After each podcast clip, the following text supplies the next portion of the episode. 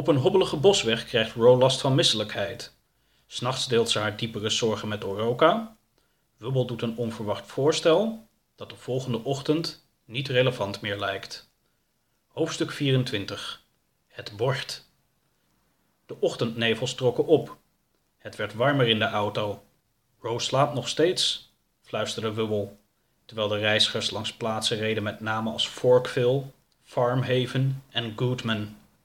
Ja, ze ziet er ook nog wat bleekjes uit. Ik denk dat we op zoek moeten gaan naar een plek waar het rustig is. Kijk, zei Wubbel even later. Hij wees met een van zijn vleugels naar een bord. Die Old Oak, lodges en cabins. Dat ziet er wel rustig uit. Misschien kunnen we daar een hutje huren. Oroka draaide een boomrijk terrein op, waar her en der, op kleine en grotere graspercelen, houten blokhutten en soortgelijke huisjes stonden.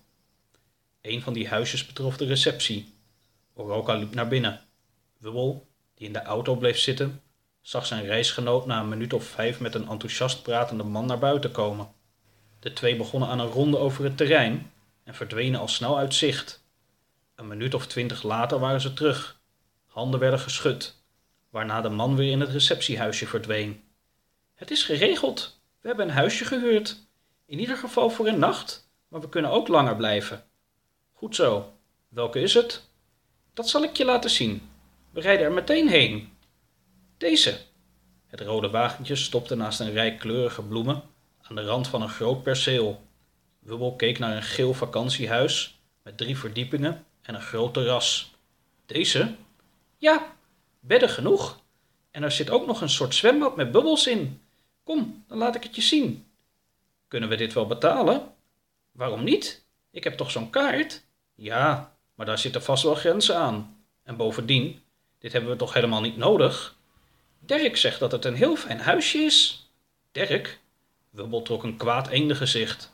Verdorie, Oroka, natuurlijk zegt hij dat. Een heel fijn huisje, ja. Zeker het fijnste huisje dat hij hier heeft staan. Heb je al betaald? Nog niet, nee. Mooi zo.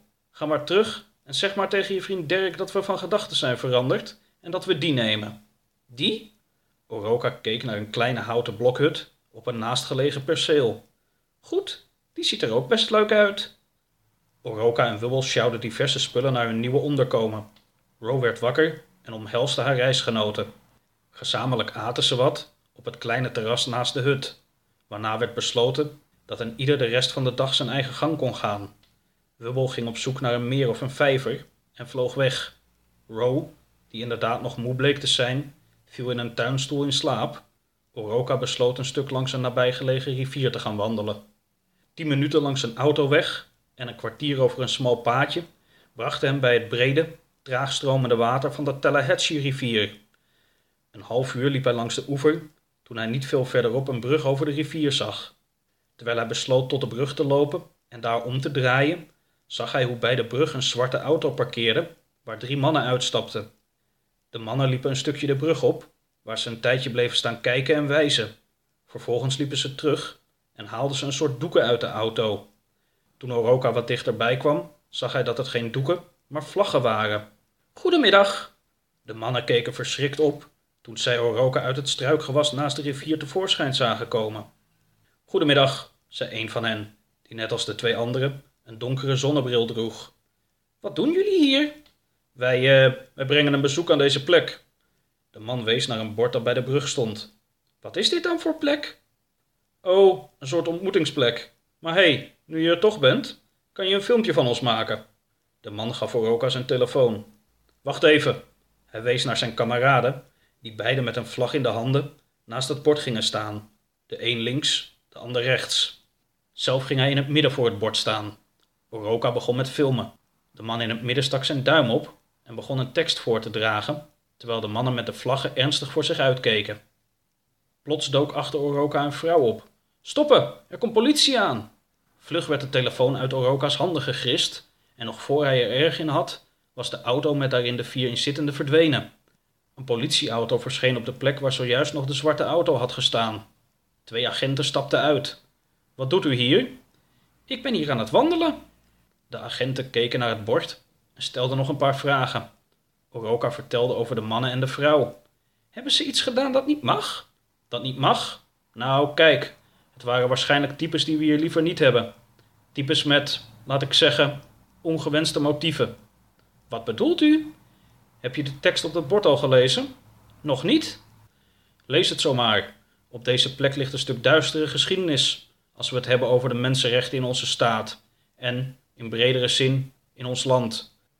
Helaas is niet iedereen het ermee eens dat daar aandacht aan wordt besteed. We hebben hier al meermaals te maken gehad met vandalisme en ander gedrag in die richting. De agenten keken nog wat rond, terwijl Oroka de tekst op het bord begon te lezen. In 1955 vloot de destijds 14-jarige zwarte Amerikaanse jongen Emmett Till naar verluid naar een blanke vrouw. Een paar dagen later werd hij ontvoerd, gemarteld en vermoord door de echtgenoot van de vrouw en diens halfbroer.